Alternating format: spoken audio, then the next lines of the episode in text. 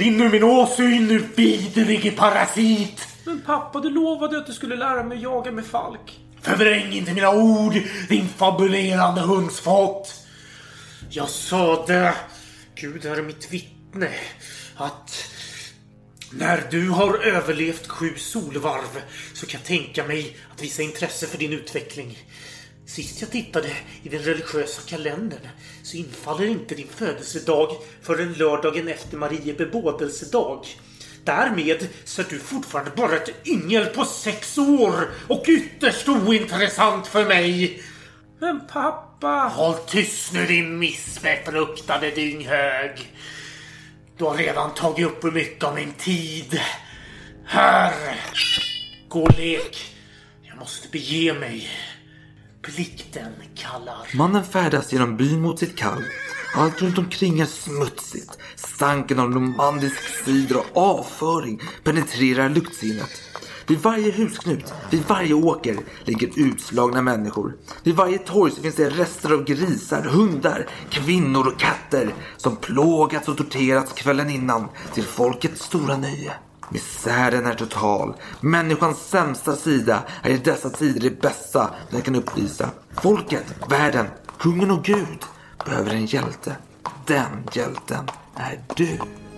Vid eken på det stora fältet stannar du till och möter dina vapenbröder. Män som, liksom du, lät pappa betala för en titel. Ni sitter alla till häst i glimrande rustningar av det finaste material som närområdet och era pungapengar kan uppbåda.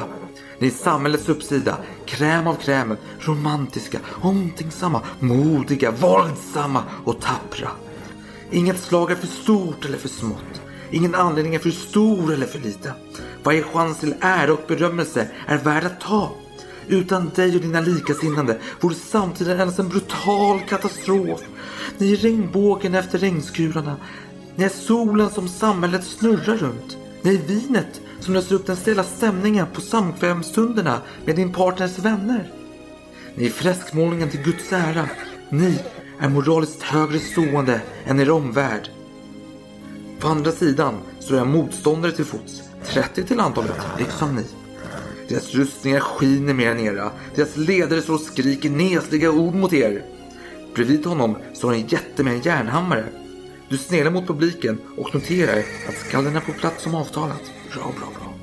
Pulsen ökar, adrenalinet flödar. Hoppa av era hästar. Ni formerar er i fördelaktiga positioner lik fotogeniska modebloggare på röda mattan. Det blir en tyst bön för dig själv.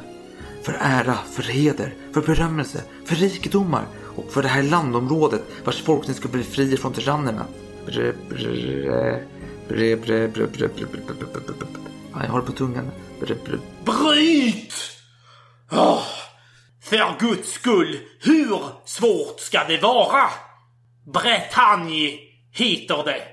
Bretagne. Åh, dagens ungdomar. Försök nu igen. Alla redo? Tagning! Bretagne! Bonsoir, Saint-Denis! They do not live in fucking England! Merde! Slow down, everyone! You bloody people! Piss off! Come to fucking England! What's wrong with dick? Fuck, cunt! Mitt konunganamn skall vara Karl den sextonde Gustav. We shall never surrender. Allen Zeiten nicht die Mehrheit! Kom inte med en sån jävla provocerande och aggressiv ton mot mig. Där har våldet triumferat. Ask not what your country can do for you. Ask what you can do for your country. Ska vi verkligen öppna en till flaska? ja, vad fan har du att välja mellan? Skål, ta mig fan! I have a dream. Ah, I see you look at your leader. And I too look to you, Paul Bauma.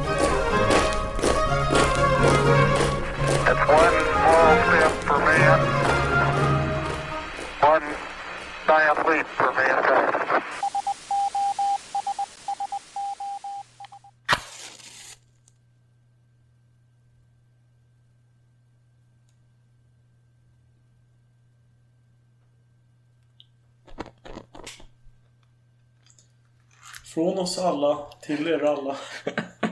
Ett rikt- riktigt gott avsnitt. Ja, precis. Det är väl höstlov nu för guds skull när det här släpps.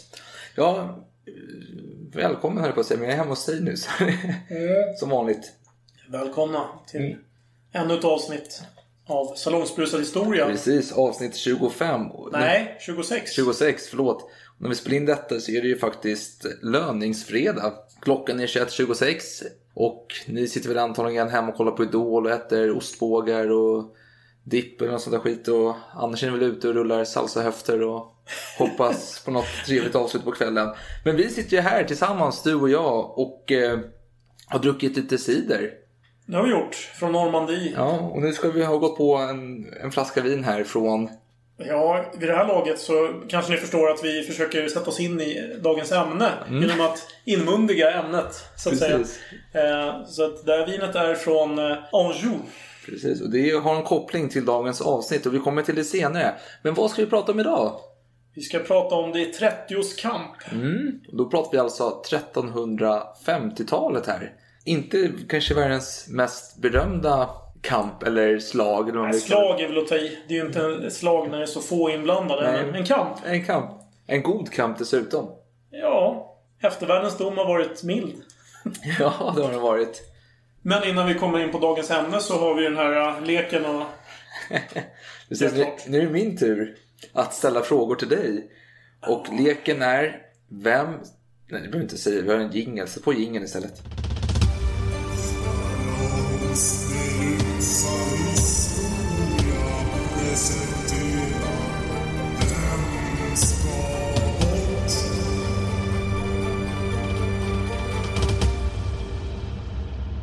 Ställningen är 2015 till mig och du började eh, leken så det är... Du har initiativet. Ja, jag har ju det. Är du redo? Så redo man kan bli. Ja, och eh, jag har inte en lika bra som du hade förra gången. Den var ju extremt bra faktiskt. Eh, Tackar. men jag har en i alla fall. Ja. du får se vad du tycker om den. Jag är lite orolig. Ja, första namnet är Magnus Eriksson. Ja. Andra namnet är Kung Alfonso den elfte av Kastiljen. Okej. Och det tredje namnet är Clemens den sjätte. Clemens den sjätte. Och sista namnet är Edvard den tredje av England. Åh. Härligt. Edvard den tredje kommer vi komma in på i dagens avsnitt. Så jag vill inte säga för mycket om honom. Um, Clemens sj- sjätte sa du det? Yes box. Känns som att vi har pratat om honom i avsnittet om Michelangelo. Nej, jag tror inte vi nämnde... Ja, Det var kanske en annan Clemens. ja. Fan. ja. Alltså, All right, det finns många han. Clemens. Ja. Och eh, Alfonso sa du, Ja. men var det den elfte? Den elfte av Ja, jag. Ja, några få så är. Ja, jag tänker mig inavlad Alfonso. Ja, de var ju det. De där. För de flesta. Innan Bourbonerna tog över. Ehm, Som partiskt. Ja. Precis. Eh, Och första namnet var ju Magnus Eriksson. Jaha, Magnus Eriksson. Ja, jo, kungen av Sverige. Mm. Ja, ju... det var länge sedan. ja, det var verkligen. Ja. Har du någonting här? Ehm, Du kanske ska prata kring namnen så det blir lättare. Ja, jo, fan du häcklar. Eller inte. Nej, Magnus Eriksson. Ge- Han skrev ju de här lagarna. Nej, men vänta nu. Han skrev de här landslagarna. Ehm, till exempel. Vi snackade om det i avsnittet om... eh, Ja, flera avsnitt har vi pratat Ja, om. det kanske vi har gjort. Till och med. Nämner vi inte det i pesten-avsnittet också? Och bödlar har vi pratat om det. Ja, framförallt bödlar tänker jag Ja. på då, med, med de här landslagarna. Ja. Ja, okej. Det kanske har någonting med lagar att göra. Möjligen. Eh, vad hade vi mer? Kastilianen. Sen hade vi Clemens den sjätte. Ja, han är ju känd för främst en sak. Förutom att han var påve då. Det är väl kanske den andra saken han är känd för. Ja, men det var det jag tänkte. Påve från Michelangelo och Clemens. Kan det vara någonting med att de var av utländsk härkomst? Och, fast fan, Clemens är en påve. Att man, att man är någon företrädare för, för... Nej, han var ju engelsk i och för sig. Han var ju född där. Nej, jag får, jag får helt enkelt chans, chansa på vem som ska bort här. Ja, det får vi göra. Eh, och då säger jag...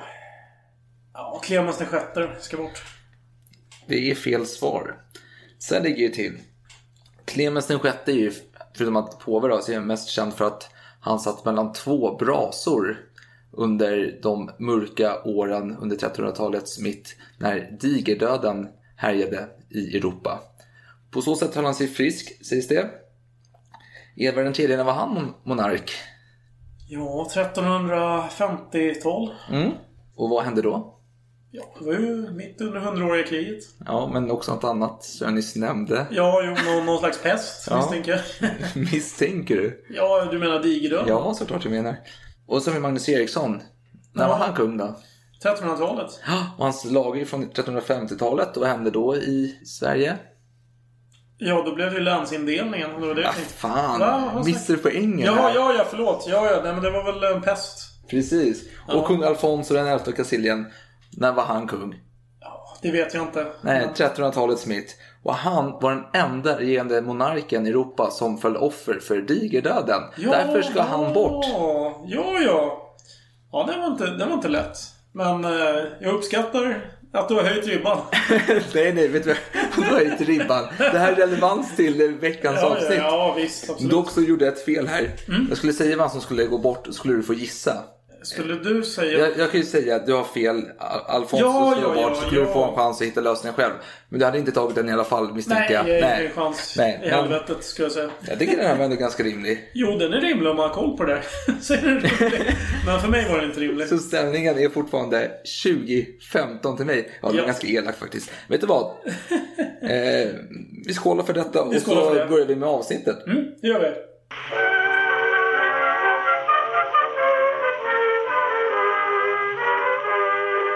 Nej, men idag ska vi prata i alla fall om eh, det trettiska och det utspelar sig under 1300-talets mitt. Medeltiden är vi inne i. Medeltiden. Ja. Ett ganska grymt och hårt århundrade med mycket död och ond bråd död till och med. Ja, verkligen. Men om vi ska börja prata lite om medeltiden generellt sett då. Ups. Nej men medeltiden är ju kanske mest känd då för digerdöden, hund- hundraåriga kriget, Och riddare. riddare. Det är jävligt tungt och mörkt, mycket död som sagt. Och ja, men 1300-talet är ju som sagt känt för brutaliteten. Och eh, jag har bara en liten notis här kring det. För hur kommer det sig att de var så jäkla brutala på den här tiden? Om man läser om olika familjesläkter, framförallt i Frankrike då, så finns det ju historier, och det är också 1200-tal och så vidare bakåt, som berättas om hur man torterade sina fångar genom att hänga upp dem i pungen tills kroppen lossnade från, upp och ner då, tills kroppen lossnade från den och mycket eh, sådana där grova saker. Och då tänker jag att synen på barn är ganska intressant.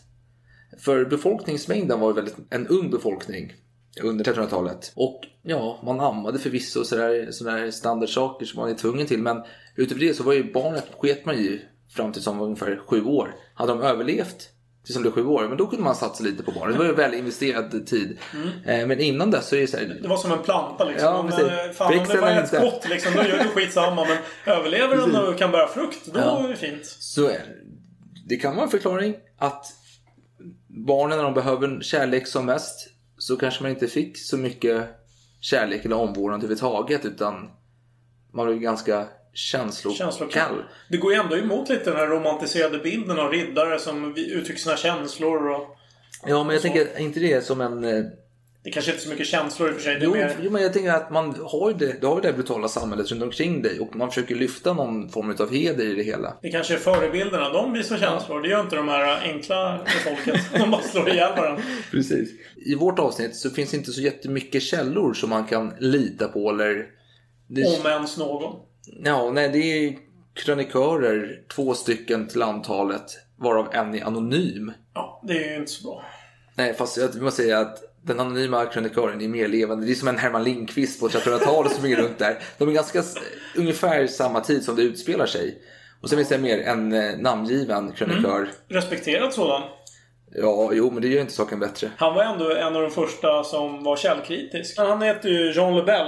Mm. Och han är inte så fransk som det låter utan han var typ en holländare. Ja. Men han var en av de första som...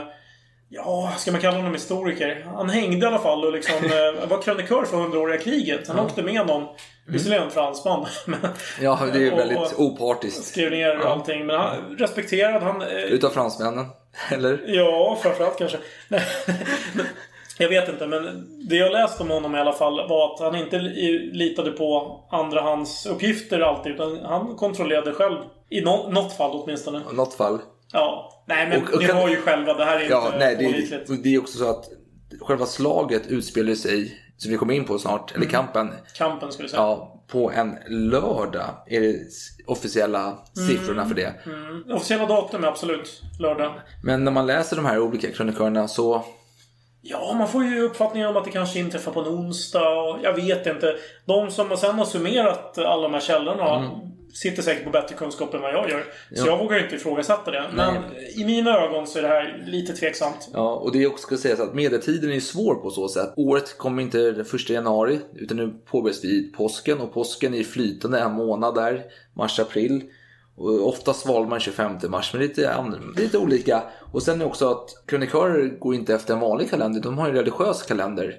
Så det är en källa är lördagen efter ja, någon kristen händelse, då Maria bebådelsedagen och så vidare. Mm. Och då noterar man det som lördagen före den dagen. Jag, jag tror vi i alla fall kan enas om vilket år det var. Ja, Det tror jag båda källorna, huvudkällorna, ändå ja säger. fast eller? den ena säger 1350 och det är den anonyma källan. Och eh, den, eh, den Officiella är 51. Ja, precis. Lebel. Och den 27 mars. Ja, men jag tycker det är dags att ta lite bakgrundshistoria här. Mm. Innan kampen. Och det finns, du nämnde hundraåriga kriget. Mm, precis. Så vilket, jag tycker generellt sett att medeltiden är ganska, framförallt 1300-talet, är väldigt komplex tid i historien. Det är mycket fram och tillbaka som händer här. Men varför är det ett hundraårigt krig kan man fråga sig? Jo, men det hela började 1307 då Filip den sköne var kung i Frankrike.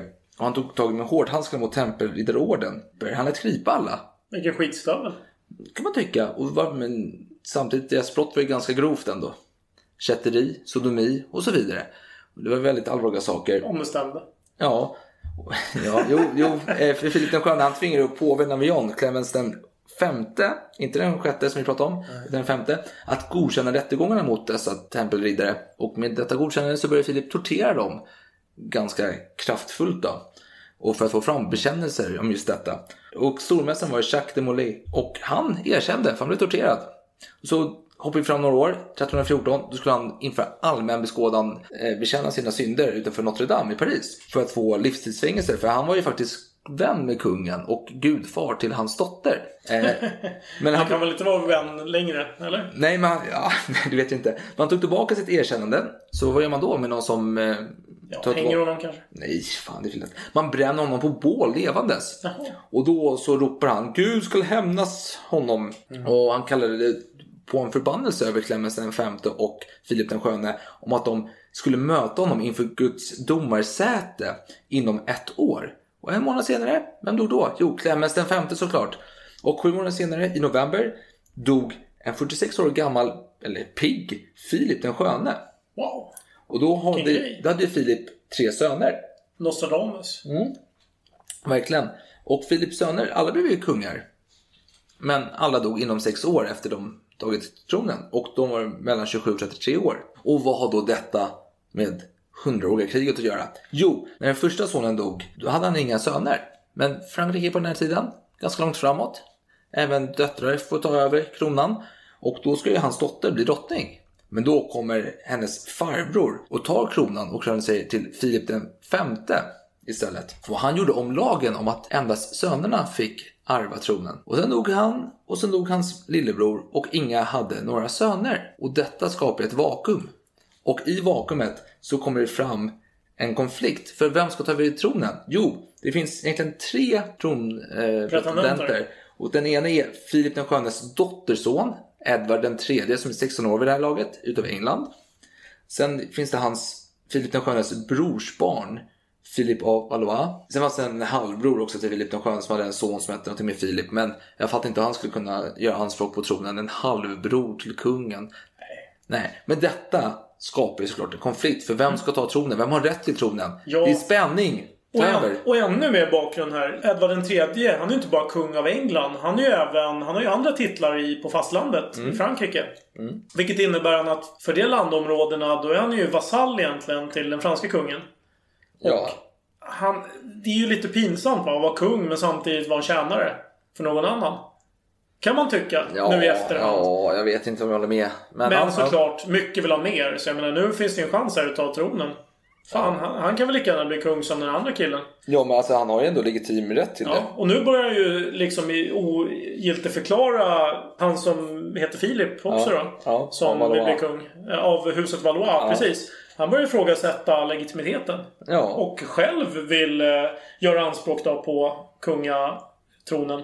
Ja. Och det finns ju folk som eh, håller med honom. Och inte bara i England. Nej, det här rör ju flera landområden. Några, några burgunder tycker att det är en bra idé. Fan, ja, men han kan väl få bli kung. Mm. Så de eh, skakar hand och så säger de ja men vi, vi stödjer era anspråk. Eh, men vad slutar allt det här i? Jo, hundraåriga krig låter väldigt dramatiskt. Låter som eh, fan pansarvagnar dundras på eh, natt och dag.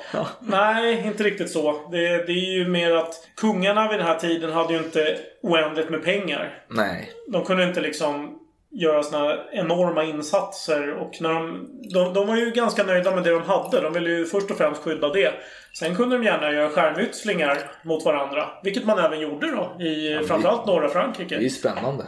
Men det, för den engelska kungen, då var det viktigt att ha, vad ska man säga, vid Calais där, eh, norra Frankrike. Mm. Ja. Att ha det området, ha möjligheten att skeppa över soldater och sådär. Det Ja. var ju viktigt. Det var det ju även i första Ja, ja, världskriget gud, visserligen. ja. Och sen hade man ju li- söderut. Mm. Det var också ett viktigt område. Det blev lite ingenmansland kan man säga, Bretagne och Normandie. Ja. Och, eh, och, och det man gjorde, engelsmännen, de finansierade olika legosoldater. Som var rövarband. Ja, Som gick runt och härjade och svina. Man kan se det hela som ett kallt krig nästan. Att eh, man hade de här supermakterna. Det vill säga tro, tronpretendenten Filip och Mm. Edvard. De eh, stödde olika vasaller. För, för det var ju så att det var inte bara kungakronan som blev vakant för Frankrike. Det var även olika hertigdömen. Kunde, Ja, det, ja, ja. kunde det ske att eh, det här är lite oklart vem som ska ärva tronen. Ja. Och då var det ju lätt för dem att komma in och bara Nej men jag satsar på den här hästen. Och så kommer en annan och säger jag satsar på den här hästen. Och så fightas de lite. Ja. Det är precis det som hände. Ja, nu fast inför det här slaget. Vill du säga något? Jag, jag tänker spontant att du har nog målat upp en bild i ditt huvud och jag tror att även vissa lyssnare har gjort det om att detta avsnitt kommer att sluta med att du tar ställning för Frankrike och jag tar ställning för England. Men det kommer inte bli så för jag gillar inte Edvard den tredje eller Edvard den tredje Edvard, vad fan man nu säger. Han var en hemsk man alltså. Alltså, jag vet inte om man behöver välja en... eh, Jo, men han var ju en våldtäktsman. Han eh, våldtog ju grevinnan av, eh, vad var det då? Salisbury eller något sånt. Han hade ju först gjort invit och nekat honom. Så han skickade iväg hennes man, jag tror det var till norra Frankrike. Och gjorde en invit på nytt. Och hon nekade fortfarande och då var det en väldigt brutal våldtäkt. Och så när hennes man kom tillbaka så ville hon inte ha eh, närgånget umgänge med honom då så undrade han varför och började hon gråta och berätta vad som hade hänt. Så hade hennes make gått då till kungen och eh, sagt att kungen hade svikit en trogen vän och han inte kunde vara kvar i landet nu för att han var förnedrad och frun och så vidare. Och detta skapar ju ganska ont blod hos adeln i England under den här tiden. Så jag är inte team Edward alltså, eller Edvard. Nej, Nej, det är fan nej jag inte. förstår verkligen Ja. det. Men frågan är om man behöver ta det på så här makroperspektiv. På den nivån. För det här... Nej, det här är- behöver och behöver. Alltså, jag kan inte... Nej, och jag är inte säker på att man ska göra det heller. Ehm, ehm, Alltså det finns många kungar som var svin. Han är väl knappast Mm, Precis. ensam. Det här är ju ändå en väldigt eh, alltså, lokal kamp. Ja. Jo, fast det finns ju koppling till Edvard tredje. Det gör det definitivt. Eh, och som nämns också. Vi kommer till det senare. Men fortsätt prata om hundraåriga kriget. Jag är Ja. jättenyfiken. Eh, precis. Nu börjar det... Man kan säga att hundraåriga kriget är ju inte ett krig. Det är en massa småkrig som eh, sker i tät följd. Mm. Ett av de här småkrigen är det bretonska tronföljskriget. Ja. Och eh, som vi var inne på då, det här med arv. Det var inte helt uppenbart i vissa fall. Och att det fanns olika fraktioner. Och då var det så att eh, Johan den tredje som var hertig av Bre- Bretagne. Eh, han dog år 1341. Det var faktiskt samma dag som Adolf Hitler dog. Den 13 april. Ja, spaning. Då överlevdes han av sin halvbror. Som han inte alls tyckte om. Som hette också Johan och var av ätten Montfort. Mm. Eller Montfort. Och eh, han... det här är ju sjukt krångligt. När Johan III dog. Mm. Då var det så att då kunde inte den här halvbrodern bara muta sig in och ta över hela huset här med Nej. vapenmakt. Utan han blev ju ganska snabbt tillfångatagen. Och han dog så småningom. Mm. Men han dog. Då eh, överlevdes han av sin änka. Ja. Som hette Joanna av Flandern. Och hon fortsatte kampen. Hon ville ju fortfarande ta över det här Ja, hertigdömet. fan. hertigdömet förlåt. Ehm, Men eh, då blir det lite mer invecklat här. För brorsdottern till den här Johan III. Som också hette Joanna då. Jobbigt nog. Hon var gift. Ja, precis. Hon var gift med en Charles of Blois. Och eh, Charles of Blois enligt dåtidens regler gjorde då anspråk då på hertigdömet. Mm. Så nu blev det helt plötsligt ett tronföljskrig. Precis. Då var det alltså två fraktioner. Det var hur, fraktionen Montfortisterna. Ja. Som företräddes av den här halvbroderns änka. eh, Johanna av Flandern. Och så var det Blaisisterna, det vill säga Charles de Blois och den här, som var gift med den här brorsdottern då, till den gamla hertigen. Får jag bara flika in en sak Ja. innan? För Charles de Blois, han var ju en jävligt kristen snubbe alltså. Riktigt, riktigt Mhm. Ja, men kristen. nu får du berätta. Ja, för han var oftast, eller alltid, otvättade kläder som var fyllda med löss. Han gick runt med stenar i sina skor, småstenar då. Han sov på halm på golvet medan hans fru sov i sängen bredvid. Och under sin rustning hade han bundit en, ett rep runt kroppen så hårt så att knutarna skar in i huden. Då. Och han vägrade somna i synd, så han biktade sig varje kväll. Sen hade han förvisso ett oäkta barn också på sidan om, men det var ju inte så viktigt kanske. Och sen när han skulle vandra barfota till en helgedom i snön så la folk ut filter och handlingsvägen. Och när han såg det så tog han en annan väg för att han skulle gå barfota. Så han fick ju skador på fötterna och var oförmögen att gå i flera veckor upp till månader efteråt. Bara en liten... Så, så han var helig sex dagar i veckan, men en dag i veckan då gick han och skaffade bastarder liksom. Vilken härlig kille. Fransk, franska stilen. Ja, det vette tusan. Ja, men härlig spaning där. Eh, Men okej, hur, hur kommer de här eh, engelska kungen och den här eh, franska kungen in i bilden? Ja. Jo, den engelska kungen, Edvard III, han stödde Montfort. Ja. Och eh, den franska kungen stödde den här Charles de Blois. Ja. Så det, det är bakgrunden egentligen till, till varför det överhuvudtaget kan bli någon form av kamp. Ja.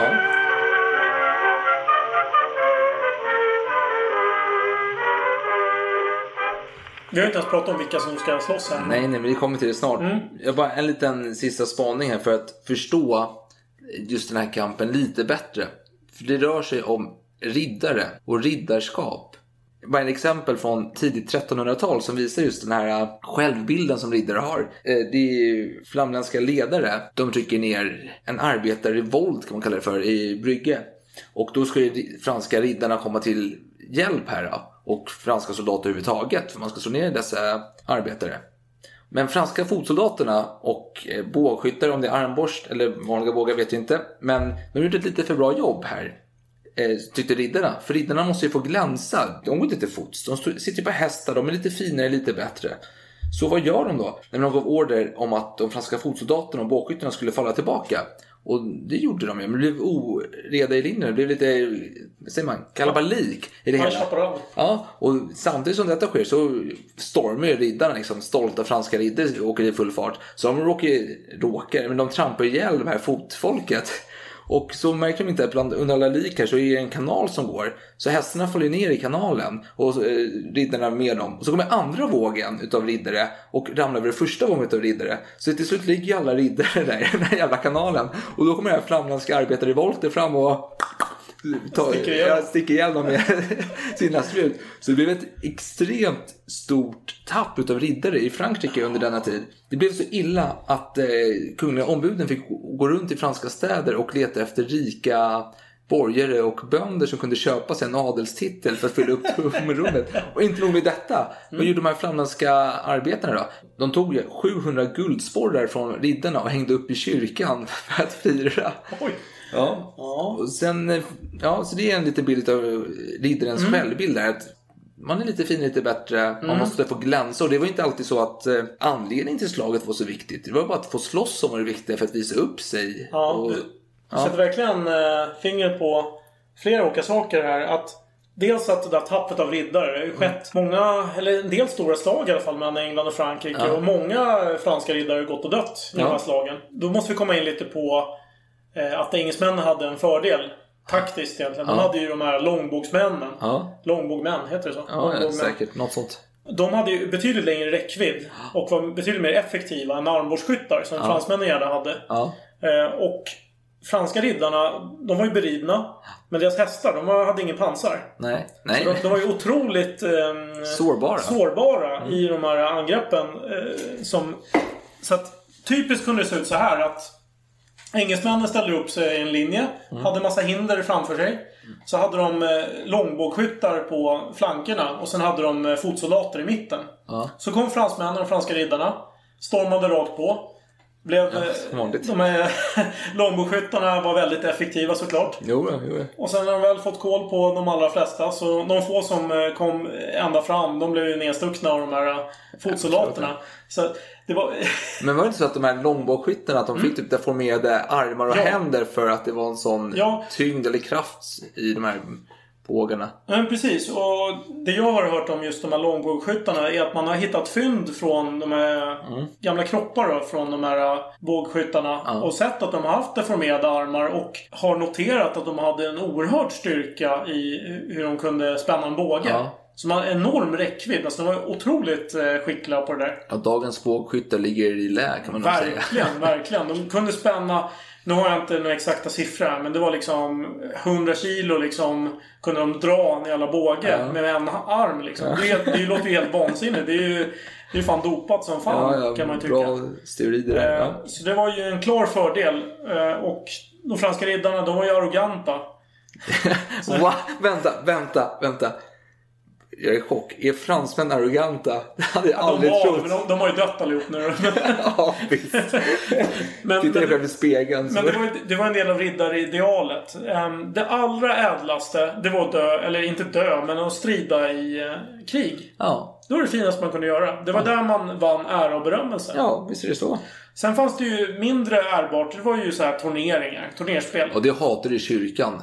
De likställde det med självmord om du dog under turneringsspel. För man, det gällde ju att visa att man värderade sitt liv. Ja. Att bara göra det i onödan, offra sitt liv i onödan, det var ju ett skällsord nästan. Det var ju en arrogant jävla fjant liksom, Jo. som gjorde det. Jo, men turneringsspel blev ju ändå Mm. ganska... Kyrkan fick ju ingen kontroll över detta.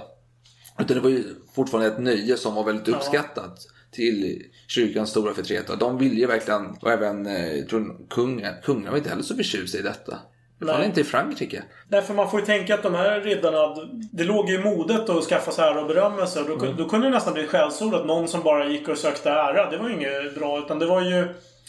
Man brydde sig inte så mycket om vad man stred för. Det var så att jag måste ha ära och berömmelse. Jag går hit och Mm. kämpar i det här slaget. Jag vet inte vad, det- vad som händer. Jag går in i den här byn och börjar Nej. slåss mot första bästa riddare. Oj, vilken ära. Och detta blev lite problematiskt för eh, monarkerna. Så det, detta slutade med att eh, Edvard den tredje, han startade ju Strumpebandsorden, den kända Mm. brittiska orden. Order of the Garter. Ja, där 26 riddare fanns med.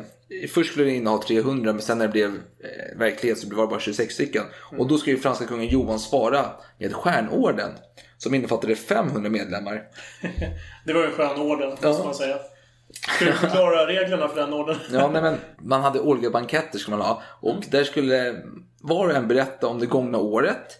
Om sina äventyr upplevt, både nesliga och ärorika. Och man skulle sedan välja ut det tappraste som varit med om mest. Men fast ett undantag. Här, citerar. Ty inte ett vapendåd i fred räknas. Och detta var också för att monarkerna då skulle kunna centralisera riddarna. Att det var inte de här meningslösa gå och plundra byn-slagen som skulle belönas. Utan det är när det är officiella Skarpt läge. krig. Och eh, man fick inte, eller de svor rättare sagt, att man aldrig skulle fly i slag. Och eh, man skulle hellre dö eller tillfångatas. Men eh, det skördar ju många offer att ha sådana regler. Men Ja, det var, det var ändå schysst av dem att följa Jo, för det finns ett, ett, ett exempel här. Ett slaget om i Bretagne såklart. Mhm. Som vi kommer till snart. Då blev ju franska riddare omringade av engelsmännen. De kunde ju fly. Men de tänkte nej, vi får inte fly här. Det är i orden. Så de eh, blev slaktade. 80-90 riddare blev ju dödade på plats. Mm. Och detta skapade ett stort hål i stjärnorden. Och enligt dåtida källor så var det en del av dess undergång. Stjärnordens undergång. Då. Mm. Bakgrund till detta var stor, stora slag som vi redan har nämnt och som Frankrike har förlorat eh, innan dess. Mm. Som gjorde att man behövde återupprätta den här heden och då fick man väl ta till ännu hårdare regler. Istället för att försöka ändra sina taktiker så får man väl vara tuffare. Ja, ja, vet samma. Nu ska vi gå in till avsnittet tycker jag. Ja. Eller avsnittet, till ämnet som vi pratar om.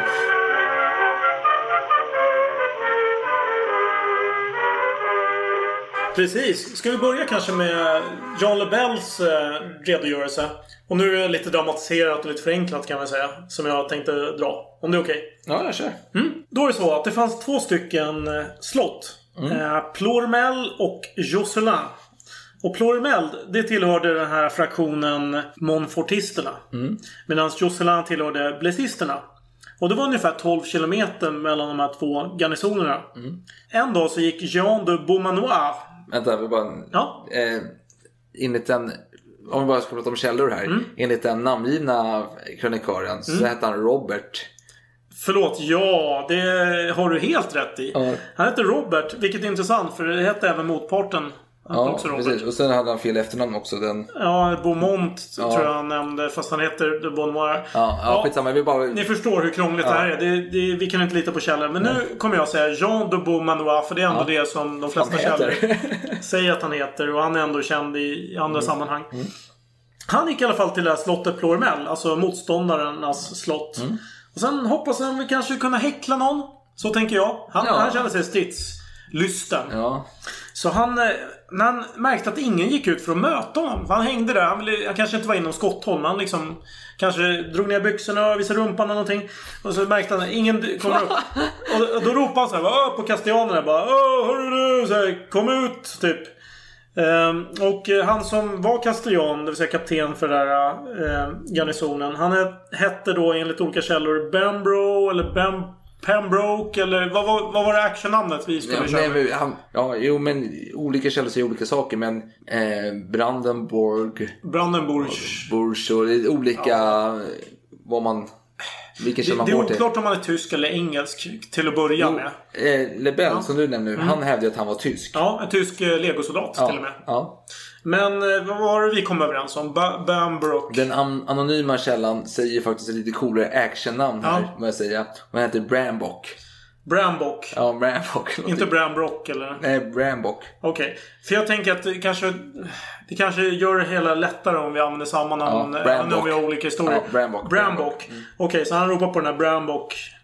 Eh, och undrar om den här Brambock har lust att fightas lite grann. Mm. Kanske med några polare. För sin kärlek till deras damer. För det var ju riddaridealet. Ja, ja. Man skulle slåss för damer. Ja, ja. Och den här Brambock han svarar Nej men våra damer, de vill knappast att vi går och blir dödade i ett eh, turnerspel. Ja, För det var det det handlade om. ja fast med vassa eh, kanter då på. De är inte... Ja, ja visst. Det var inget... Vadderat skit inget- här. nej, nej, nej, nej, Det var riktiga grej. Han sa ju såhär, det ju ta slut så fort. Och den typen av aktivitet, den gör det mer ökänd för arrogans och dårskap. Än känd för ära och heder. Som fransmännen är kända för. Arrogans och dårskap. Och den här Bambrock, vad sa vi? Brambock. Brambock. Och Brambock. Då kom Brambock med motförslag. Men du, vet du vad? Om du vill så kan du välja 20 eller 30 av dina kamrater från garnisonen. Alltså, välj några från din hood. Mm. Så väljer jag lika många från vår. Och så går vi till något ställe där ingen stör oss. Och så hotar vi åskådarna med galgen om de försöker påverka den här kampen. Jag gillar du får det att det låter som någon så här gänguppgörelse i Ja, South lite den- Central i LA Det är liksom, lite på den känslan jag 80-talet. får Ja, faktiskt. Och då säger den här Beaumanoir. Det är min tro. Jag går med på 30 mot 30 och jag svär på det. Det är min tro. Oj, dramatiskt. Alltså, och den här Bambrook, säger, han svarar då. Jag svär på det också. För den som sköter sig väl där vinner mer ära än vid en vanlig turnering. Mm. Så här får man känsla för värderingarna vid den tiden. Ja. Vill du säga något? Nej men det här påvisar ju ändå, det vi var inne på tidigare, det är ju sådana här menlösa slag man vill komma bort från egentligen. Men jag ska, jag ska återknyta till detta Mm. om någon minut när du är klar med detta stycke. Och enligt den här källan då, Lebel. Mm. Då kom man överens om att mötas fyra dagar senare. Och då Ja. namnger man faktiskt en onsdag. Ehm, och när man väl kom dit så var engelsmännen där först och väntade på fransmännen. Mm. Ja, fast det här är en jävligt tråkig, torr historiebeskrivning. Även om du försökte göra det bästa av situationen. Så det är applåder till dig för det. Men jag tycker vi ska hoppa över till Herman Lindqvist Mm. eh, anno 1300-talet istället. Men innan det, jag skulle återkomma till någonting sa jag. Och det var just det här med eh, sådana här meningslösa slag som man ville få bort. Som Mm. det här är exempel på. Och, eh, men detta är ett undantag, lite som bekräftar regeln tänker jag. För fransmännen har ju haft lite problem under hundraåriga kriget. De har haft stora förluster, bland annat under 1340-talet. Där vi slaget vid Crécy, 46 Ja, där. Där fransmännen med bihang hade nästan eh, vad är det, dubbelt så många soldater och förlorade. Mm, mm, mm. Och det var faktiskt kul för det var Johan... Kul vet jag inte om det var, men det var ja. jävligt roligt för Johan den blinde och Böhmen dog där. Inte för att det var kul, men det är just att han, Johan den blinde och Böhmen är ganska roligt. Och vet varför han blev blind? Enligt sägnen på den tiden. Det var så här, han hade grävt upp eh, en synagoga och hittat pengar. Och girig som, som han blev utav detta så lät han gräva upp Sankt Adelberts grav i katedralen i Prag för att leta efter Ja. pengar. Och det skännande helgonet då, han blev lite sårad här. Så han la en förbannelse och gjorde honom blind istället. Oj, det låter som en skröna. Ja, en jävligt bra eh, skröna. Men eh, detta var en stor, ett stort nederlag för franska sidan helt enkelt. Mhm, mm. Och eh, det, Definitivt. Så man behövde ju den här, eh, något stolt, någon stolthet, det här riddarskapet, symbolen för en stor, något stort. Eller storhet kanske man kan säga, inte något stort, för de var ju bara 30 stycken till antalet. Ja, eh, det absolut slag vid Crécy såklart. Och det kommer ju även slag efteråt som är Ja, stora. Och som Poitiers, 56 ja, där. precis. Ja. Och, och det har ju föregåtts också av sjöslag vid Sluis. Där de franska amiralerna Queré och Boucher blev ja, mer eller mindre avrättade som hämnd. För att de hade beordrat slakten av engelska fångar i sjöslaget vid Armenmuyden Oj. 1338. Men som sagt, nationella känslan fanns inte riktigt. Men det var ju ändå... Det här med stolthet var viktigt och så vidare. Och man ville hävda sig. Och om engelsmännen fick rykte om sig att vara skickliga. Då, då, då var det ju viktigt att hävda sig mot dem. Precis, och då behöver man ett bra riddarslag. För riddare är ändå det noblaste som finns. Men det var svårt att hitta stora slag vid den här tiden. Det var ingen som ville finansiera dem. Framförallt inte de här ointressanta områden i Bretagne. Nej. Det fanns ju mer intressanta områden. Så vad gjorde de här stackarna som hängde i de här slotten? Jo, men de muckade gräl. Ja, ja vi, jag tror vi har lite olika syn på detta uppenbarligen. jag tänker, min bild är mer att man har haft nederlag, man behöver en stolt historia att samlas kring. Någonting som visar det fina utav fransmännen och egentligen det fina utav riddarskapet som ändå är lite o... Tänkte man fransmän, tänkte man inte mer regionalt? Bretoner? Om man säger följden utav hundraåriga kriget blir ändå en... En mer- ökad nationalism. Nej, precis. Definitivt. Och detta är ett led i detta och man försöker samla att... Ja, och, och Frankrike var ju väldigt... Det var ett feodalt samhälle med så olika fjäff, som Mm. det hette. Olika områden som... eh, Som eh, med, med olika eh, lokala ledare. Mm. Som alla tjänade sin konung visserligen. Men det var decentraliserat. Och Ja. det blev ju mer och mer centraliserat. England var ju lite mer centraliserat Ja, från början. Precis. Nej, men jag, tänker ändå att Mm. man vill ha det här äh, riddaridealet och samtiden, det här slaget, Mm. både hyllar och fördömer det.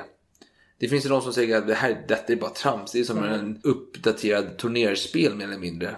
Ja, eh, en uppvärdering. Ja, precis. Ja. En eh, glorifierat Ja. turnerspel. Och vissa tycker att detta är det häftigaste som har hänt. Att det är det Ja. bästa jag någonsin har upplevt. Precis. De som Det, är som lynchningen av von Fersen.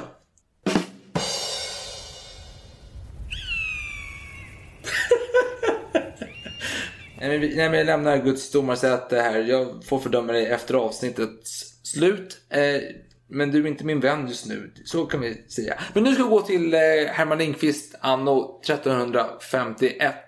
När Eller han, 50. beror på vem man frågar. När han ska besvara vad som händer. Fast det, detta är en anonym Herman Lindqvist. Men Mm. Ännu värre. Det kan vara en förfäder till Herman, tänker jag. Spontant. Och han som sagt, han kallar ju den eh, engelska, som eh, Lebel kallar det för tysk, för Brambock. Och det är namnet du går efter här då, för det är lite coolare. Det är som någon, eh, jag tänker, inte Bruce Willis, men jag tänker någon så här österrikisk version utav eh, Die Hard. Låter som en skurken då. Brambock. Ja, det låter sig. Det har du Ja. rätt i. Vad fan? Vad. Brambock. Ja, men, det, ja, men där har du det. Det är en skurk. Precis som den anonyma krönikören vill få det till. För så här var det. Branden Den här, förlåt, den anonyma kronikören. har du någon bakgrund? Vem är den här? Vet du någonting om honom? Ingenting mer... Ursprung kanske? Han är inte engelsman? Nej, nej, nej. Han är ju från området. Breton Han- alltså. Ja, Ja. så är det Nej, men han kallar honom för Brambock och eh, Brambock han är en jävligt otrevlig jäkel enligt den anonyma källa. Och han förtrycker folket i, eh, hjälp mig uttalet, Plorem... Pro, Plor... I det här slottet tänker du på Ja. Ploremel eller vad fan är ja, det? området. Ja. Precis. Mm. Men tills en dag då den goda Beaumanoir såg hur bretonerna led. Så gick ju fram då till Brambock och sa Ni riddare av England, ni är det onda som torterar de fattiga stackars människorna. Det som sår kornet och förser med kött och vin. Utan sådana arbetare skulle adelsmän vara tvungna att arbeta ute i fälten med slag och hacka. Bla bla bla bla bla. Så vidare. Och band, Underbart. Brambock svarade lite så här. Äh, var tyst nu, Beaumanoir. Det finns inget att diskutera. Montfort kommer bli hertig över detta nobla hertigdöme. Från Pontorson till Nantes och rakt upp till Saint-Mahé. Edvard ska bli krönt kung av Frankrike. Engelsmännen kommer ha makten trots alla fransmän och deras allierade. Han är, han är skithård där så. Och Beaumanoir svarade då hövligt, för han är fransman, han är hövlig uppenbarligen. Ja, ja, absolut. Drömmen, annan dröm, mannen. Detta var en dålig dröm. Här kommer du aldrig vinna 15,24 centimeter, alltså en halv fot. Jag räknat ut detta. Vänta nu, va? Okej, Ja. fortsätt. Bla, bla, bla, bla, bla. Så börjar de tjafsa lite så här, gnabbas. Det är som Ursula från... Ja, och då säger den här... Eller sjöjungfrun den här äh, Brambock. Ja. Så säger då Beaumanoir, snälla Bambrock, låt oss nu göra det kloka. Låt oss samla för att slåss efter överenskommelse med 60 följeslagare, eller 80, eller 100. Då kommer vi med klarhet se sanningen. Vem kommer ha rätt och vem kommer ha fel? Och Benbrock sa då, åh men gud, detta svär jag dig. Och då, eh, han accepterade detta då, men Benbrock hade då enligt rykten gjort samma sak tidigare, fast inte hållit sitt löfte. Och han hade inte vågat gå ut och möta den här motståndaren. Så Beaumanoir hetsar ju honom och ber honom hålla sitt ord denna gång. Och Bambrock svarar då med att han ska vara först på platsen. Och säger han så här. Med mig ska ha 30 män, varken mer eller mindre. Alla klädda i järn och stål. Och jag ska inte ha med mig några trälar. Gud ska ge mig hjälp. De lägst stående kommer vara väpnare. Bärande på heraldiska vapen på sitt bröst. Ja, det här är... Ja, ja. Fan vad mycket, mycket på en gång här. Men, Mm. men var det inte så att den här storyn som du berättar nu. Var det inte så att de snackade om att du ska åka tillbaka till England och hämta de finaste riddarna? Jo, jo, mycket sånt. Bla bla bla. Medan min eh, variant, det var ju mer att du, du har typ tre, fyra dagar på dig att samla ihop ett gäng. Ja, precis. Eh, Ja. posse liksom och så kör vi. typ så. Precis. Ja, men sen berättades det då om att eh, Bambrock ljög för att dölja sin plan så att man inte ska tro att han skulle ta med sig en livegen vagabond, hur nu det går ihop. Eh, ja, Fortsätt. eh, som var stark och med stor mage som Bambrock lät rusta och genom honom han stred. Slutcitat där på sista. Ja. Okej, ja. Men eh, slagets löften var varken fusk eller bedrägeri. Det var reglerna Nej, och det är båda källorna eniga om. Och- det är ingen fusk som gäller. Och, och den anonyma Herman, Lindqvist, han säger då Mm. båda sidorna alla till häst. Ingen var till häst när det väl skedde. Ja, ja det, de går isär lite Ja, grann. ja, men, okej. Men... Ja, vi säger så här. Mm. Slaget handlar således om vem som hade rätt i frågan här då. Och sen finns det en tredje källa. Vi ska inte, Ja, vi kan inte ta upp den här personen Nej, så mycket. nej, nej. Men det är, det är en, en tredje person som skriver om detta. Och han skriver då att eh, den engelska Brambock då hade sagt att en engelsman är lika mycket värd som två fransmän eller Mm. tvärtom. Ja, Och det kanske han baserar lite på de här, löst baserat på de här tidigare slagen som Ja. gått åt skogen för fransmännen. Ja. De har ju varit överlägsna i antal men ändå blivit tillintetgjorda av de här lång, långbågmännen. Oj, nu spelar vi öl här. Ja, men det, du torkar upp det här sen. Ja, ja. Skitsamma. Jag känner att vi behöver ännu mer bakgrund innan vi kommer in på själva slaget. Ja, kör då. Eh, Jag känner att jag, vi har redan gått in på att fransmännen har förlorat stora slag Ja. tidigare på grund av den här taktiken med långbågsskyttar och allt vad det kan vara. Men det var inte bara det. Det var ju att eh, fransmännen hade sämre teknik. De hade sämre rustningar. De låg, eh, vad ska man säga, generationen efter. Det var ju som att... Vet du vad det här känns som? Nej, ja. Det känns som eh, när, i, när de höll på med champagne och skulle göra flaskor till, fla, eh, till champagne. Kom igen. Britterna var långt före och fransmännen Ja, var ja. tröga. Jag bara säger det. Alright, men eh, det är så här. Det är som att du sitter med en HTC Vive och jag sitter med en Nintendo 8-bitar. Jag tänker, Och så- med, jag tänker med Renault innan Volvo tog över eh, säkerheten. Jag tänker Renault-bilar tidigt 80-90-tal. Nej, man ska inte överdriva. Nej, men så, så stor skillnad Den här är det jävla inte. Men ölen som vi börjar spela i smakar ju stall. stall, men det är väl eh, lämpligt för det här avsnittet. Ja, det tycker jag. Ja, fortsätt. Nej, men... eh, Ja. Ja. Det, man kan säga att de ligger generationer efter med rustningar. Så engelsmännen, de har ju bra... Nu kan jag inte de här termerna, men fransmännen hade ringbrynja. Engelsmännen Ja. hade någon slags plåt... inte plåt, men eh, ja... Mer sammansvetsade delar. De hade bättre utrustning helt, Helt enkelt, ja det är den. Ja. Ja. men låt mig fortsätta med Anonyma Herman då. Men då, efter de här snackat då, Beaumanoir och Brambock. Brambock, ja, visst. så återvände Beaumanoir till sitt slott och träffade en bunt baroner och sa så här. Mina herrar, ni bör veta omedelbart att Brambock och jag har gjort en överenskommelse om 30 följeslagare, alla med stor förmåga. Och det pratar mycket om att detta ska pratas mycket om i Frankrike. Alltså in i krönikören. Åh, då. det ska bli heder Ja, precis, och ja. en krönikör med mig som ska skriva om alltihop. Precis. En detalj, en detalj som är intressant att nämna här är ju... Nu snackar man ju ändå om 30 per sida. Mm. Så det är inte... Slaget om 30 är väldigt vilseledande. Det var ju inte 30 personer som slogs. Nej, det var 30 Utan- per sida och det kan vara till och med 30 exklusive ledaren. Så det, det är oklart, oklart. oklart eh, vad som Ska man gäller. säga fem, eh, 60... Två. Kanske eh, mellan 60 och 62 pers. Ja, precis. Kanske. Något sånt. Men då alla baroner och väpnare som fanns där då, i eh, Beaumanoirs ställe sa så här. Vi vill följa med och förgöra Brambock och alla hans soldater och aldrig kommer han få lösensumma eller guld från oss. För vi är hårda, tappra och lojala. Tänker jag marschjäsen på detta liksom och så är det homerun här. Ja, just det. För det var ju rim... Det, det, det är ju... Ja, jag, jag känner att jag måste avbryta just med, med det här med lösensumma. Mm. För det var det vanliga. Att man antingen så dog motståndaren eller så fångade man dem och så krävde man lösensumma. Och det var ett sätt att berika sig. Fortsätt. Ja, ja, ja, men så är det Det var ju så, lite som man gjorde sig förmögenheter också. Att, eh, Arbart sätt Ja. att göra. Okej, men eh, och den anonyma Herman säger då att på engelsmännens sida så var det 30 män, varav 20 var engelsmän, 6 stycken tyskar och 4 britannier. Ja, bretoner. Bretoner är rätt sätt. Ja, Tack. Och en av dem var Tommelin Bellyfort som slogs med en järnhammare som vägde 11,3398093 kilo. Oj, det var typ the, the, the Mountain från Game of Thrones. Ja, precis. Det måste varit lite extremt för han nämns hela tiden i den här krönikan att när han svingar så då händer då dör något. Du kommer inte äta, du kommer inte äta kaka. eller han skriver. Ja, det är skönt. Man vill ha profiler liksom. Ja, precis. Och så samlas de. Då- Jag tänker alltid på eh, Braveheart med Gibsons, hans tal där som är så jävla känt. Och då, vad säger Beaumanoir då till sina män när han ska ha det här peptaket innan? Jo, han säger så här. Britterna, eller ja, engelsmännen är modiga och kommer orsaka oss skada. Så kräv av er själva att vara modiga. Se er själva som tappra och kloka män. Och vad säger Brambock då? Ska det där vara Herman Lindqvist? Vadå Herman? Alltså vilken jävla hyllning av fienden. Ja, jo, jo, för, förvisso. Jag förstår vad du menar. Men Brambocks, han har ju två, delat upp till två eh, segment då. Första är så här. Jag har läst nu. jag har läst mina böcker. Merlin har lovat att vi kommer vinna över bretonerna en dag. Och Britannien och Frankrike kommer tillhöra den goda kungen Edvard. Och sen fortsätter han. Mina herrar, var glada, var säker att Beaumanoir och hans män kommer bli tagna. Knappast någon kommer att överleva. Och de som gör det kommer vi ta till den nobla kungen Edvard som har sänt oss hit. Han kommer göra vad han vill med deras kroppar och vi ska ge honom all land vi tagit. Hela vägen till Paris. Sen kommer inga bretoner våga möta oss. Wow.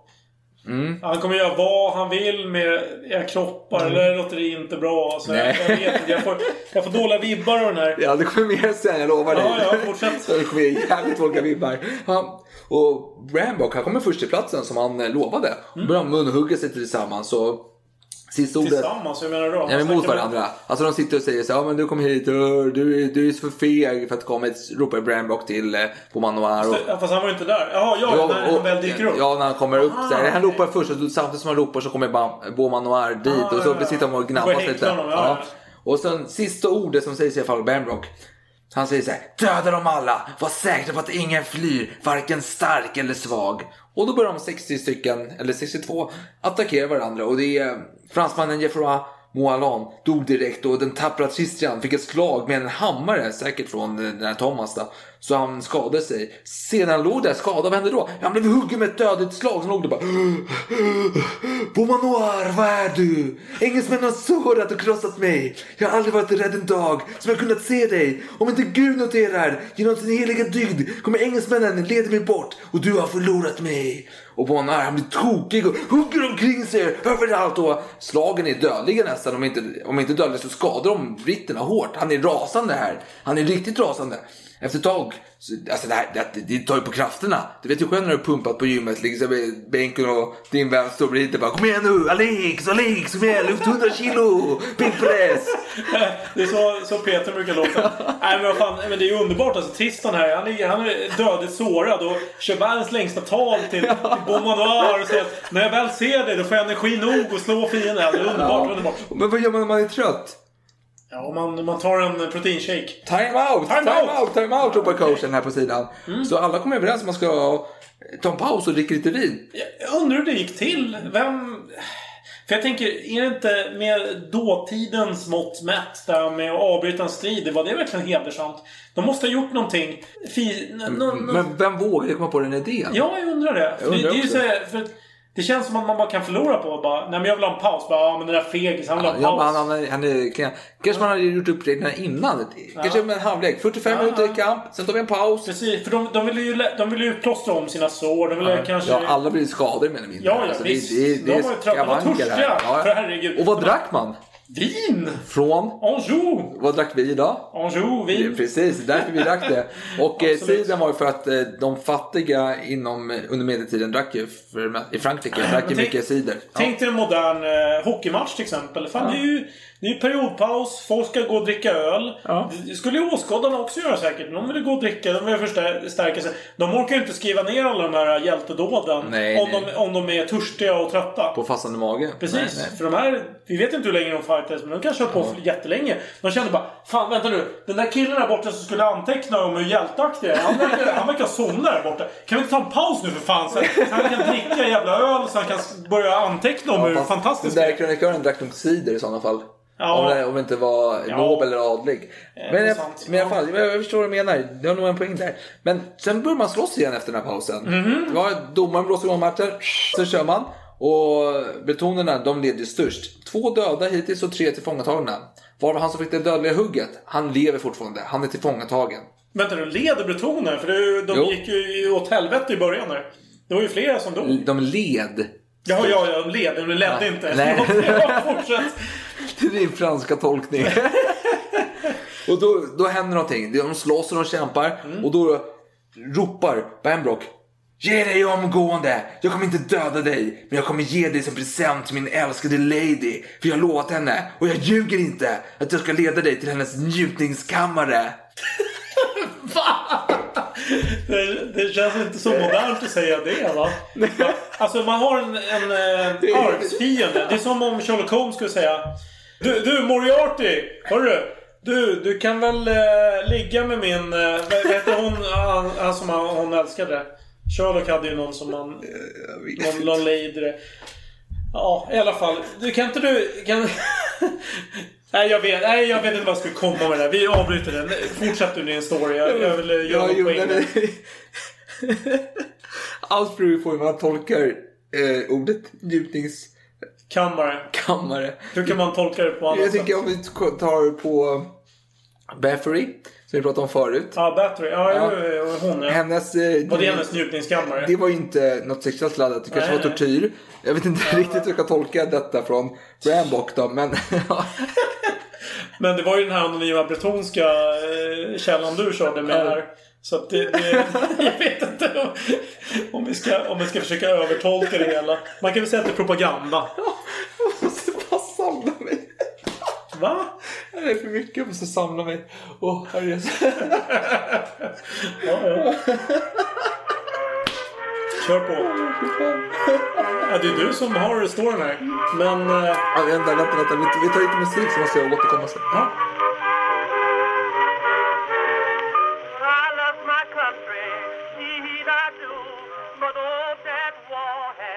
Ja, och... Ja. Beaumont Noir svarar då lite bla bla bla bla bla. Han, han käftar emot. Sen avslutar med att kast... Nej, förlåt. Han är, han, är, han är hjälte. Kasta tärningen och håll inte igen. Turen ska hamna på dig och ditt liv blir kort. Och då kommer en eh, breton då, som heter Alain de Carna- Carnaz och sån skit. Mm, Just det, han hade väl en eh, farbror i samma slag. Ja, och han hörde allt du sa och han ropar då. Rövare, förrädare, hur tänker du? Tror du att du kan tysta en man med sådant mod? Med min egen kropp kommer jag trotsa dig idag. Åt hans vägnar, nu ska jag slå dig med min vassa lans. Jag är skeptisk till din eh, brytning där, men okej, fortsätt. Nej, men det är lite så här eh, ondskefull, jag tänker 90-talets eh, tecknade tv-serier. Okej, ja. Jag tror att det här var riktat då mot... Eh, Brambock. Bram, Brambrock. För vad gör han? Jo, han tar sin lans och in i ansiktet. Ansiktet smitt till och med. Rakt upp till hjärnan. Hon trycker... Eh, hon. Han trycker till så att eh, Brambrock eh, ramlar. Ja. Han ramlar bakåt. Fast han dör inte riktigt. Nej, han hoppar upp på fötterna igen. Oj! Och då är det en lirare som heter då Geoffroy, Geoffroy de Bois, en annan Geoffroy. då. Var det inte så att den här Geoffroy Dubois, han var ju väpnare inför striden. Men under pausvilan här så blev han dubbad till riddare. Jo, för han hade bett eh, Beaumont Noir att bli eh, riddare. Ja, han, han har ju visat att han, ja, han, han klarar en halvtidsvila i alla fall. Ja, precis. Så han eh, såg ju det hela och såg att eh, Bambrock var uppe på benen igen. Så han kom fram med sin lans och bara körde in där inälvorna och släckte ner. Och alla tre fransmän, inklusive den sårade, Eller bretoner. ja, bretoner, ja, jag säger fransmän för det känns Ja, bra att samman kör på. klumpa ihop de skitsävlarna. Eh, Fast, fast det var ju fransmän på andra sidan också. ja, jo men, Ja, ja. men de, Okej. de, de är bretoner. Ja, okej. I alla fall med den nyss sårade han som hade ropat på, på Manoir och så att han fick kraft. Han levde ju fortfarande trots att han fått ett dödligt Mm, tugg då. Så han blev ju frisläppt där nu. Men slag... I, I och med att han dog, den här Brambock. För han var ju den som hade eh, tagit honom till fånga. Ja, precis. och enligt den tidens regler var den som hade tagit dem till fånga. Det känns som den där spökkulle var Ja, det var. eller hur? Ja, det känns som en sån här lek så de är beredda att hoppa in igen. Att när, när han som eh, kullaren blev kullad eller vad fan det blir. Alltså det är helt sjukt där. Ja, fortsätt. Ja. Och eh, de fortsatte, slaget fortsatte. Fältet färgades rött och eh, Beaumanoir fastade i denna dag. För det var ju, han var fastare som man gjorde på den tiden. Och han blev ju törstig och frågade efter någonting att dricka mitt i liksom så här. Hej! Jag vill inte... Och det var efter halvtidsvilan alltså? Efter halvtidsvilan. Oj, ja, ja. Och då de Bois som blivit nyss eh, Riddare? riddare och dödat eh. Ja. Han skrek så här. Dräck ditt eget blod Beaumanoir och din törst ska släckas. Ja, ja. Wow. Gick vidare. Och engelsmännen de hade ju tajt försvar. De hade ju tappat sin ledare. De är effektiva och Mm. Ja. för att komma nära dem så var man tvungen att plikta med en sk- skada eller död helt enkelt. De, de körde ju den här gamla grekiska formationen. De gick väl ihop med som så här, falanxer typ. Så höll ihop eh, som en tätt formation. Eller, ah, eller romare, jag vet inte. Ja. Ja. Eh, Var det så? Jo, de hade som sagt tajt försvar. Det var dödläge nu och då kom det modiga Guillaume med Montauban. Montauban. Montauban. Han sprang och hoppade på en häst och tog sig en lans. Det såg ut som att han skulle fly fältet. Och då ropade då den Beaumanoir. Vännen Guillaume, hur tänker du? Ska det fly som. Kom igen! Så där kan det inte vara. som hela italienare. Nej, Nej, förlåt. Nej, jag måste bryta här. Det här, det här funkar inte längre. Okej, kör Okej, klart ja. Nils. Vännen Guillaume, hur tänker du? Jag måste, han hade ändå Nej. Nobelröst tidigare tänker jag så. Ska det fly som en ondskefull och falsk väpnade? Du och dina arvingar kommer bli fördömda. Och Guillaume eh, hör detta och han ler liksom. Gör vad du måste nobla och kloka riddare. För jag ska göra det som måste göras. Det är endast min intention. Och han galopp- galopperar då med sin lans in mot eh, engelsmännen och eh, diverse tyskar och eh, Alltså, jag, måste bryta. Det känns som en actionfilm. Ja. Att man känner att den som skulle kunna... När man känner att nu har vi på att förlora bataljen. Och så är en av våra viktigaste slagskämpar håller på tänker fly. Bara, för bara, Nej, ska du överge oss nu? Ja, men- Och så, så är han på väg att överge. Men så blir det någon så här uh, action moment. Ja, men och så det- vänder han sig Ja, om och så börjar han Ja. avsluta. Och, så Och då kommer alltid den här, hjälte- eh, jag tänker på de här gamla serierna man såg någon liten Dino Rider. Så kom alltid den här eh, team, eh, temamusiken igång när det blev goda fick Ah. slagsida. Då kom den, här, den positiva Precis. temamusiken in. Och Det man ska visste börja med domedagskänslan. Ja. Nu kommer det skita sig. Precis. Och sen bara vänds det som en Hollywood moment liksom. Och.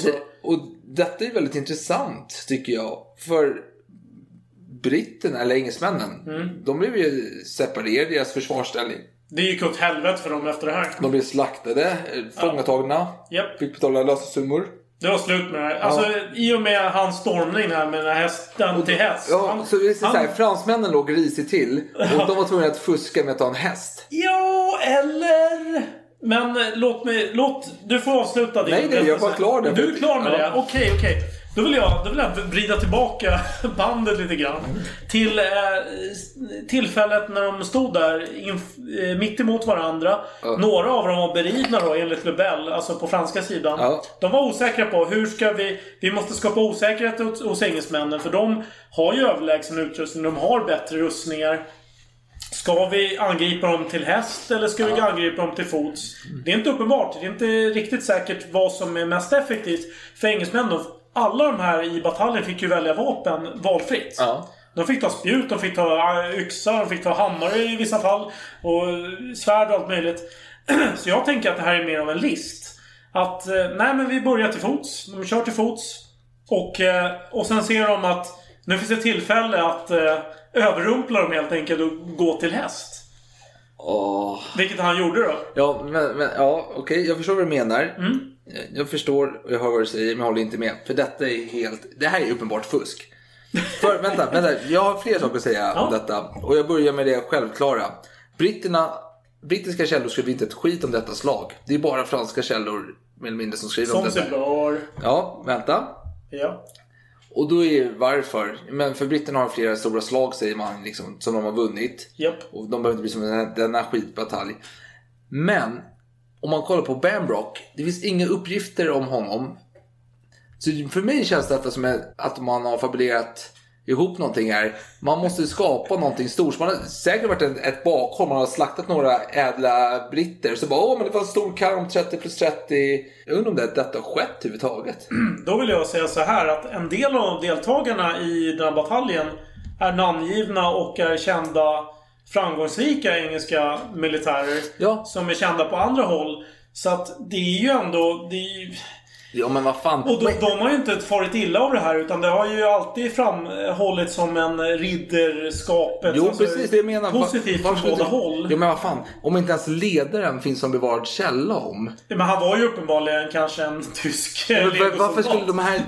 Ja, ja, ja. Fa- Fast, men, men en av de underordnade till den här äh, tyska eller engelska Ja, äh, legosoldaten ja, har ju blivit fram, haft en framgångsrik karriär i den engelska armén. Men det är klart att de inte framhåller ett av sina nederlag som det Nej men vad fan, nederlag. Det är inte, alltså, fransmännen fuskade ju för guds skull. Vad fan.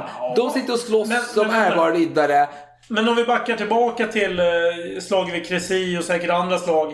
Fransmännen var beridna, gick åt helvete för dem. Så det var inte uppenbart att eh, beriden var så jävla bra. Jag menar, tänk dig själv. Du kommer med en häst och så är det någon som Ja, fäller vad den här hästen. Då är du Du är, du är inte född igår. Om det står en tight försvarslinje här och Men det var blockar. de som valde den linjen. Det Ja, behövde det var britterna. Det var deras chans. Så kommer någon med en häst med en lans som är eh, spetsförsedd liksom och bara stormar in där. Men- Det, det, fan, du fattar ju att kraften kommer ge dig överläge här. Eh, Men vänta nu, det var engelsmännen som valde att gå ihop till den här äh, täta Ja, ja. formationen. Som var väldigt framgångsrik periodvis. Men så kom den här briljanta fransmannen, bretonen, på idén om nu tar jag den här jävla hästen, nu sänker jag de här jävla britt- engelsmännen. Okej, okej, vi säger det. Jag ger mig. Detta har skett på riktigt. Detta är en faktisk händelse. Vi, vi, jag, jag, Mm. Det tror jag faktiskt. Jag överger min tanke om att det var fabulerat av fransmännen för att eh, få lite heder. Jag tror inte det var fabulerat. Däremot kan detaljerna vara extremt fabulerade. vänta, vänta, vänta, vänta nu. Och då tar vi så här. Det är ett slag man mot man, fot till fot. De Ja. på, vänt, vänta nu. De håller på i flera timmar. Kanske. Uppen, Jo, uppenbarligen. förmodligen. Ja. Ja, helt plötsligt när fransmännen ligger i sig till. Då kommer någon jäkla fransman upp och hu, hu, hu, den här hästen och bryter dödläget. Varför, alltså, britternas formation är utifrån fot mot fot läget. Inte mot när en fransman ska bryta mot reglerna och hoppa på häst. Och det intressanta är att eftersom att inte britterna skriver om detta utan bara franska källor som lyfter upp franska fördelar. Alltså Brambock är en skurk, det hör man ju mycket väl. Han är en ond jäkel. Då är alla källor redan ganska ond.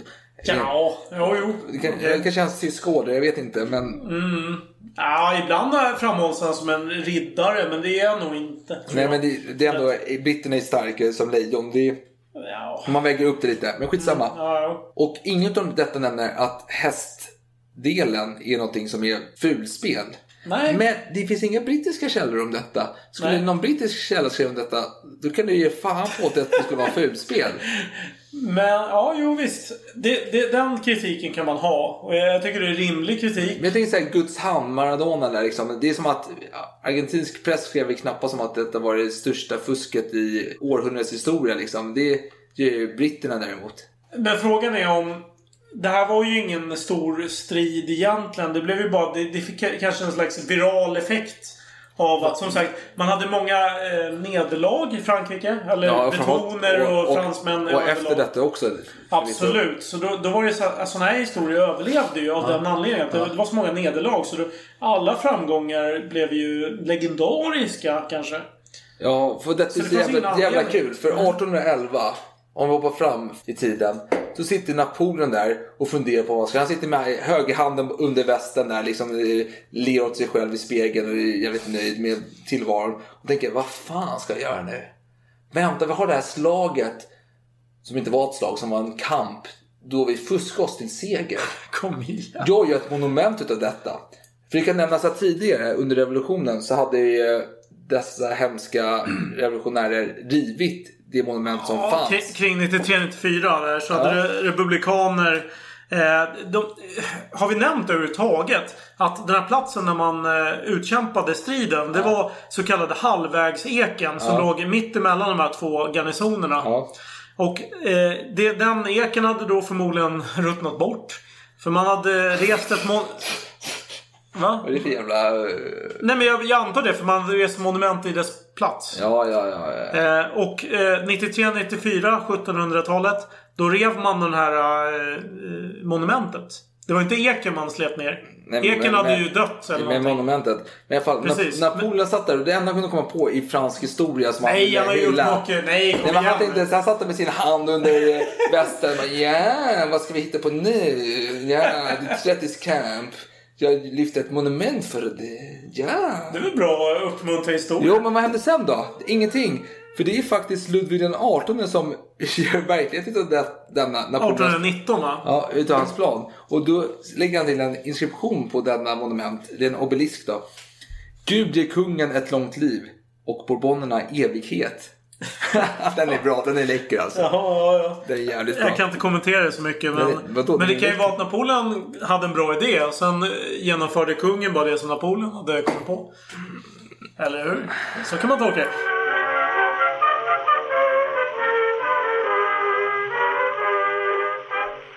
Ska vi prata om omslaget kanske? Ja, du är väldigt nöjd. Jag. Du ler och är Jag är inte så jävla nöjd. Jo, men du vill ju sitta och namnge alla här. Nej, nej, men jag vill nämna det att jag, jag blev lite nyfiken på det här omslaget. Det här är någon bild då som ritades kring 1855. Och då funderar jag lite på vapensköldarna. För vapensköldarna, det var en viktig sak. Ja, ja, ja. För det var ju ett sätt för riddarna att bli identifierade av alla de här skalderna och de här eh, krönikörerna. det var en stor del av utbildningen på den tiden. Alltså att eh, lära sig att identifiera alla vapensköldar och heraldiska vapen överhuvudtaget. Mm. För, för du kan ju tänka dig själv, om alla kommer här med plåtrustningar och grejer. Hur, fan, hur ska man veta vem det är som gjorde hjältedåd och vem som inte gjorde det? Det var jätte, jätte, jätteviktigt att komma med sin sköld där och visa vem man var. Eller kunna muta krönikören och säga att det var Ja, jag jo, som gjorde ja, detta. jo, jo, det var väl var alternativa varianten. Ja. Men det var viktigt med vapensköldar. Ja, och eh, på den här bilden som ni ser. Då har jag försökt att identifiera de sköldarna som man ser då. Ja. Eh, på vänster sida har ni engelsmännen. Ja. Och där har jag inte kunnat identifiera någon. Otippat. Ja, det var lite tråkigt faktiskt. Den enda som jag identifierat fullständigt. det är han längst till höger. Och det är ledaren för den eh, bretonska fraktionen. Eller för eh, blesisterna. Det vill säga Jean de Beaumanoir. Eller Jehan de Beaumanoir. Eh, han har ju sina elva så kallade billets. Som är eh, det heraldiska namnet för de här eh, symbolerna. Så han längst till höger, det är bretonernas ledare. Helt enkelt. Ja, ja. Så- På Manoir. Precis. Så gläd er åt det. Det, då, då har du någonting att gå efter här. Ja, fast de andra, det vet inte fan alltså om det ens är styrkt i historiska uppgifter. men, om det... men man ser väl en med hammaren, det vet man att det är när Thomas... Var han med på bilden? Omslaget? Är inte med på Det kanske han är, jag har ingen Nej, aning. Jag, jag, jag har inte kollat så noga. Men det, det kan nog stämma. Jag har för mig att det är en med hammer, järnhammaren Mm. i alla fall. Om vi ska försöka summera den här händelsen. Vad, vad tyckte samtida källor? Vi har ju den här Lebel som jag har pratat om. Hans eh, redogörelse för det hela. Sen har vi en, eh, en historiker, kan man väl kalla det.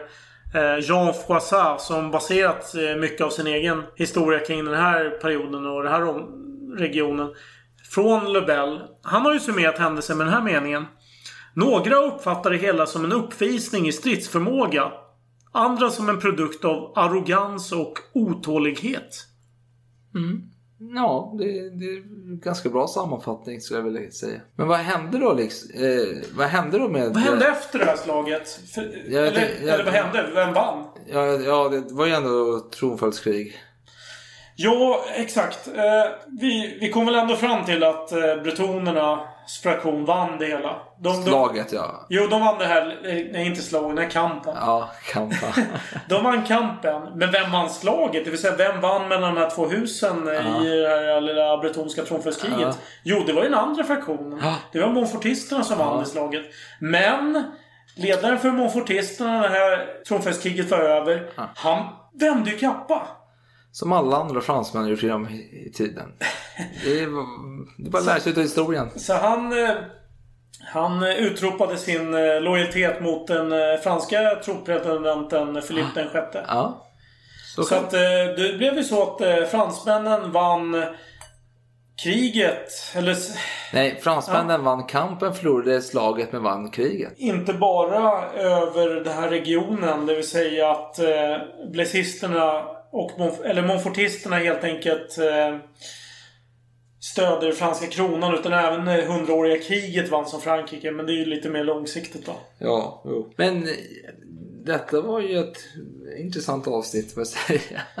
Vi värmde upp här med att lyssna på lite klassisk 1300-talsmusik på Spotify. Och på tal om Spotify, vi finns ju där nu också. Så man kan lyssna, det låter väldigt sponsrat förvisso, men skitsamma. vi finns på Spotify om man vill lyssna på oss. Det behöver man inte göra. Det finns många andra. Det finns även också din lokala poddspelare. Krängare. Ja, precis. Vi finns där. Finns... Nej, men vi finns på Facebook, vi finns på Instagram och vi finns på mail vi finns på... Ja, jag har sagt allting. finns tror jag. på för många ställen. Ja, ja. Vet du vad? Detta är faktiskt... Vi ska ta lite höstlov nu. Så vi syns inte om två veckor, utan det tar kanske tre veckor. Det kan ta jättelång tid. Nej, nej, nej, nej. Tre veckor tar det innan vi är tillbaka. Eller fyra. Vi, är- vi är inte överens riktigt. Men eh, vi ska så bli under kvällens gång. Men hoppas ni haft en trevlig eh, löningshelg förra veckan när ni lyssnar och nu har en trevlig helg överhuvudtaget. Och så hörs vi i slutet utav november. Det låter bra. Nej, nej, nej, nej. Jag jag tar tillbaka det här. Vi syns mitten av... Nej, jag vet inte fan när vi ses igen. Men det är i november i alla fall hörs vi igen. Men det är en uppehåll. Vi tar höstlov en vecka. Så gör vi. Vi hörs om tre veckor. Så är det. Punkt slut. Det gör vi. Hej då. Jag har beslutat det nu. Ja, bra. Hej då!